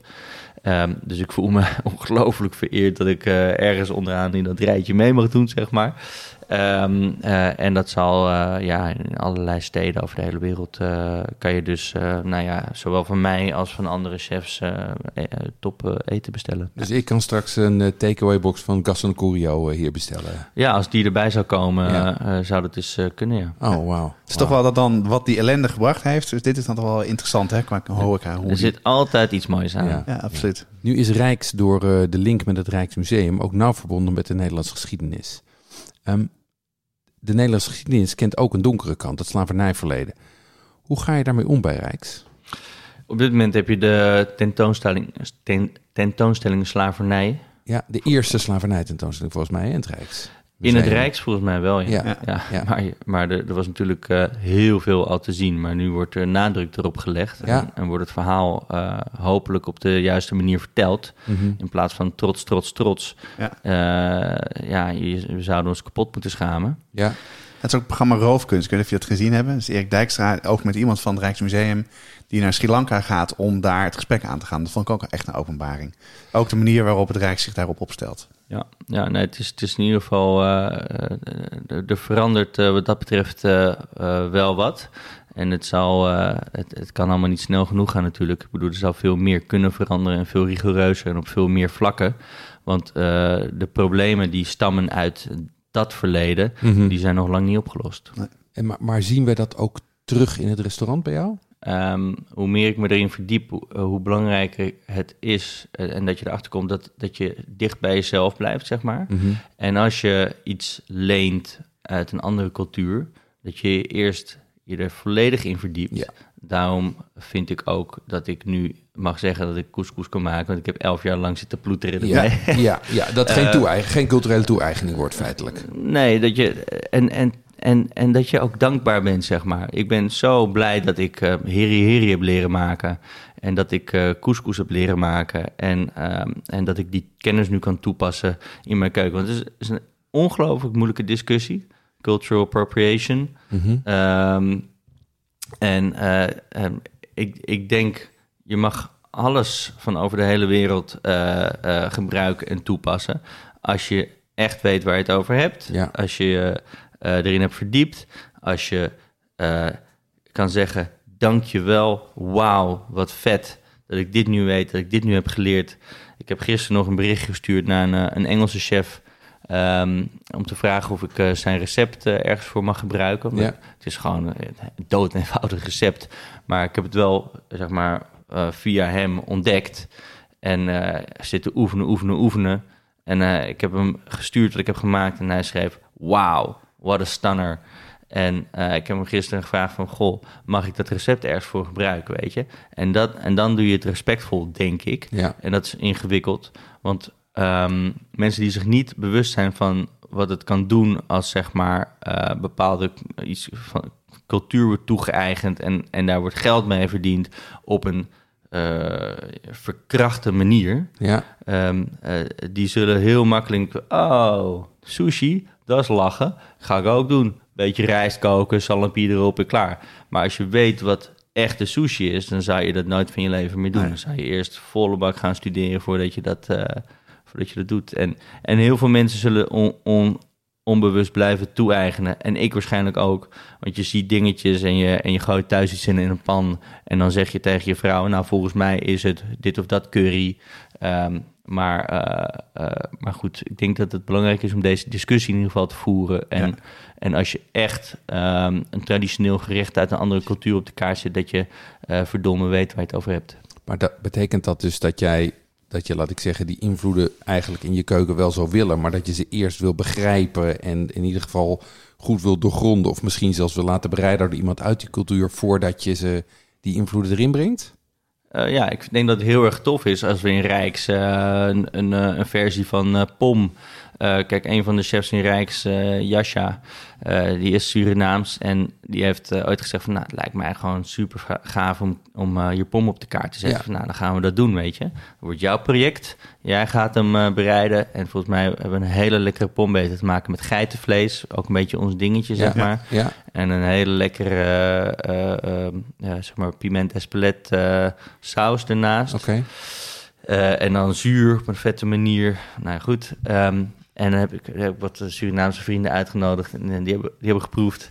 En die hebben hem eh eh goedgekeurd. Oké. Zeg maar. Ja, Dus, Joris ja. ja. knikt langzaam met zijn hoofd. Ja, en het lijkt mij nu heel vet om eh, iets met de inspiratie van Heri Heri eh, te gaan doen. Dus, ehm, en, dat, en dan ga ik er wel mijn eigen draai aan geven. Maar ik zie voor me dat ik een mooi, mooi stukje gegaarde kabeljauw eh, heb. Met daarop eh, die hele lekkere bakkeljauw. En dan, die, en dan die, een bereiding van die groenten, die, er, die aardvruchten die erbij horen op dat bord. Ehm, nou, ik weet zeker dat het lekker wordt. En ik durf het nu ook eh, eh, te doen. Want ik ken, ik ken de geschiedenis van het gerecht nu. Ik heb tientallen keren geoefend. Ja. We eh, hebben vorig jaar ehm, eh, 500 gratis heri maaltijden tijdens Ketty Kotti op 1 juli uitgereikt. Dat gaan we dit jaar weer doen, maar Ja. dan 1000, 10.000 in totaal in Amsterdam en nog veel meer door het hele land. Dus, dus ik zou dat nu ook eh, zeker durven te doen. Nu, en als daar een commentaar op is, denk ik dat ik dat goed kan verdedigen. Nou, hartstikke goed. Hey, we moeten een beetje gaan afronden. Ehm, eh, jij bent ook ehm, vanuit Rijks en, en wat je steeds hebt uitgedragen... is dat je de Nederlandse keuken internationaal op de kaart wil zetten. Hoe eh, ga je dat ook met, met thuiskook doen? Je hebt een kookboek daarover in het verleden gemaakt. Heb je Ja. nog andere plannen bij? Nou, de, de belangrijkste, eh, eh, het grootste doel is dat je mensen achter het fornuis kijkt, krijgt. Ik ben thuis veel aan het koken en afgelopen jaar heel veel bezig geweest. En dat zou ik graag weer in een, in een boekje gaan uitgeven. Ehm, met gerechten waarvan je echt denkt van wauw, wat vet. Kan ik ook, ga ik thuis proberen. En als je mensen achter het fornuis krijgt en ze dus motiveert om zeg maar onbewerkte producten te kopen, Ja. dan bouw je aan eetcultuur.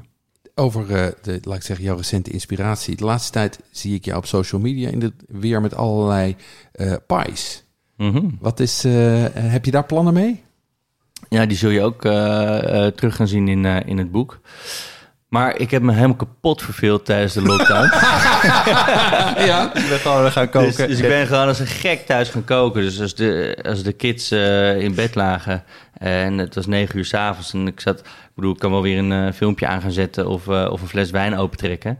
Maar eh daar bereik je minder mee dan eh, gewoon lekker eh, eh, oude kookboeken openslaan en denk van wauw, dat wil ik ook kunnen. Ja. Want het, is, het zijn allemaal specialismen en ik zou er nooit zo goed in worden als anderen, maar, ehm, maar ik wil het wel kunnen. En ik heb een paar hele vette eh, mallen eh, zeg maar gekocht. Ja. Ik zag bij de duikelman een paar dingetjes liggen. Ik denk van wow. Dus heb ik even voor gespaard. En toen, ehm, en toen heb ik ze gekocht en daar ben ik mee in de weer gegaan. Maar dat is wel mooi, want ehm, dat is denk ik een beetje de rode draad in jouw carrière, als ik het zo mag zeggen. Want je zegt net, ik wil het kunnen. Ehm, daar ben je ook mee begonnen. Je hebt eh, een kookboek gehad. Ik wil, daarvan wilde je alle gerechten wilde je maken, wilde het kunnen. Ja. En eh, dus nog steeds is het zo dat je dus ook thuis s'avonds dingen maakt en dat eh, eerst onder de knie krijgt en dan vindt het zijn weg in je creativiteit, in de gerechten en de Precies. plannen die je gaat Ja, maken. ja, ja. Top. Helemaal top. Daarmee eh, komen wij bij het eh, vegetarisch repertoire. We hadden het net al even over eh, het repertoire. En wij, een, een van de doelen die wij hebben is om het, het aantal vegetarische gerechten voor de thuiskoks uit te breiden. Dus elke aflevering hebben wij één gericht wat wij op het vegetarisch repertoire zetten. Ehm, en ik zou dat eh, de- voor deze aflevering eigenlijk willen doen met die beat met uh, Thomas Beurre Blanc. Mhm. Want ik denk dat het heel goed is als mensen ook een wat, eh, laat ik zeggen, wat meer bereid gerecht gewoon helemaal vegetarisch durven te, noemen, durven te maken. Dus laten we dat doen. Ja, allemaal zo'n ding kopen. Eh, als een gek eh die vuien maken. nou, of, of je- je nog anders, eh, zou je nog andere tips hebben? Nou goed, je kan de beat ook op een eenvoudige manier maken. Want het, uiteindelijk gaat het om die, om die saus met, met een, een, in combinatie met die beat. Hè? Dus je Ja. hoeft niet meteen een apparaat van 400 euro te kopen. maar, ehm, ik wil niemand op de kosten jagen. En anders kan je altijd nog die haricot vert uh, persik amandelsalade. Absoluut. Ook een topper. Ja. Ehm, Joris, dank voor je komst en je bijdrage. Ehm, we hebben een mooie fles wijn voor jou om, eh, eh, om op te drinken. Ik ben Heel benieuwd hoe die is. Ja, ik ook. Want eh, het, was een, het is een mooie wijn, maar een moeilijk jaar. Dus dat is eh, spannend. Ehm, succes met de, met de service weer vandaag, eindelijk. Dankjewel. En eh, we komen snel weer een keer eten. Super. Dank dat je er was en succes met alle plannen en dingen. En we blijven je volgen op Instagram. Leuk. Dankjewel. Maar we zijn ook met andere dingen bezig. Hè? Dus Onze plannen beginnen een beetje echt goed vorm te krijgen. Vertel even, wat, eh, wat speelt er nu? Ja, we zijn heel druk bezig met plannen voor het eh, nieuwe seizoen. Ehm, we gaan eh, veel meer doen met kookboeken. Die noemen we natuurlijk wel terloops, maar daar gaan we echt eh, een, hebben een, een, ambitieus plan mee. Ehm, en het workshopprogramma begint echt op stoom te komen. Ehm, en ook daarover meer in het nieuwe seizoen. Daar verwacht ik dat we wel een paar nieuwe workshops kunnen gaan aankondigen. Ja, en we zullen ook een enquête sturen. was ook een van onze ideeën. Die kan je zo een beetje in september verwachten. Waarin we gewoon jullie gaan vragen van waar jullie interesse in hebben. En welke dingen we kunnen oppakken. Dus dat komt allemaal nog dan. Ja, en we hebben weer een hoop nieuwe leden van de brigade. Cathy van der Moortelen, Loes Sporken en Roy Cornelissen. Andrea Prosman, Stefan Vreeburg en Meerte Schillings. Beryl Smit, Roderick Goris, Carla Pollen. Eh, Marilon Sch- Schmalen, eh, Eline Fransen en Jeannette Schever. Dank voor jullie donatie. Als je deze podcast luistert en je vindt hem leuk, abonneer dan direct. Klik op subscribe of abonneer in Apple Podcast of volg of follow op Spotify. kan je nu meteen doen. Elke twee weken op donderdag staat er een nieuwe aflevering klaar. En meld je aan voor onze nieuwsbrief. Zodra een aflevering live staat, ontvang je een e-mail met alle recepten en andere leuke informatie. Deze podcast wordt gemaakt door Jeroen Doucet en mijzelf, Jonas Nouwen. Het team bestaat uit Corianne Straathof, Annie Tasselaar, Paul Veldkamp, Cato van Paddenburg en Jesse Burkunk. En de muziek is eh, gecomponeerd door Nico Brands en Ton Bijkman. En uitgevoerd door Mel en Vintage Future. Reacties kun je sturen naar jeroen.watschaftepodcast.nl of jonas.watschaftepodcast.nl of stuur een DM naar een van onze sociale netwerken. Wij nemen nu een eh, zomerbreak. 2 september zijn we weer bij je terug. Maar Maar op Instagram, Facebook gaan we gewoon door. Tot 2 september. Tot 2 september.